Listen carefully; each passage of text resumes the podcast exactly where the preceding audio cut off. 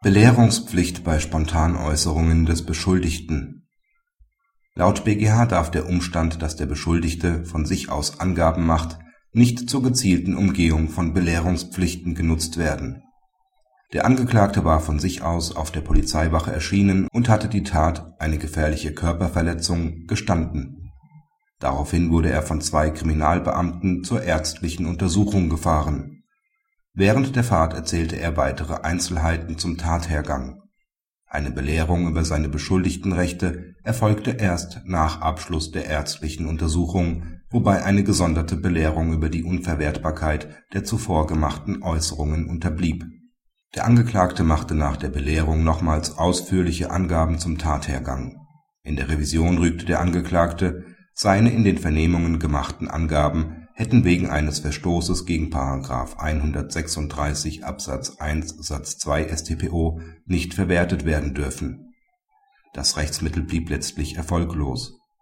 Nach Ansicht des BgH sprach hier zwar vieles für die Unverwertbarkeit derjenigen Angaben, die der Angeklagte von sich aus auf der Fahrt zur ärztlichen Untersuchung gemacht hatte, denn zu diesem Zeitpunkt bestand aufgrund des vorangegangenen Spontangeständnisses bereits ein starker Tatverdacht gegen ihn so dass schon zu diesem Zeitpunkt eine Belehrung hätte erfolgen müssen.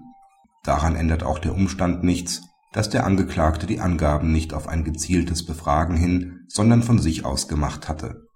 Denn derartige Spontanäußerungen dürfen von den Ermittlern nicht gezielt ausgenutzt werden, um Belehrungspflichten zu umgehen.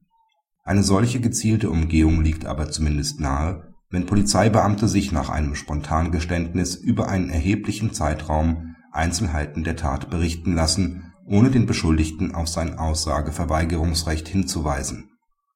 Da das Urteil aber nicht auf den während der Fahrt gemachten Angaben beruhte, blieb die Verfahrensrüge insoweit ohne Erfolg.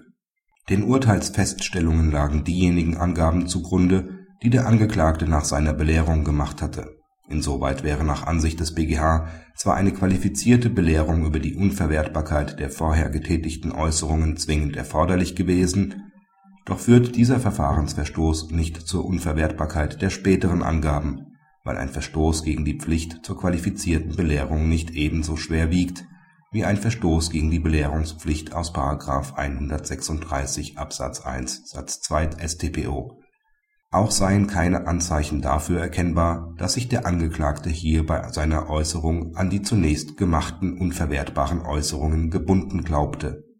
Kritik Die Entscheidung zeigt, dass auch freiwillige Spontanäußerungen die Ermittler nicht von ihren Belehrungspflichten befreien, der BgH aber im konkreten Fall dennoch einen Ausweg gefunden hat. Der Verstoß gegen die qualifizierte Belehrung ist damit sanktionslos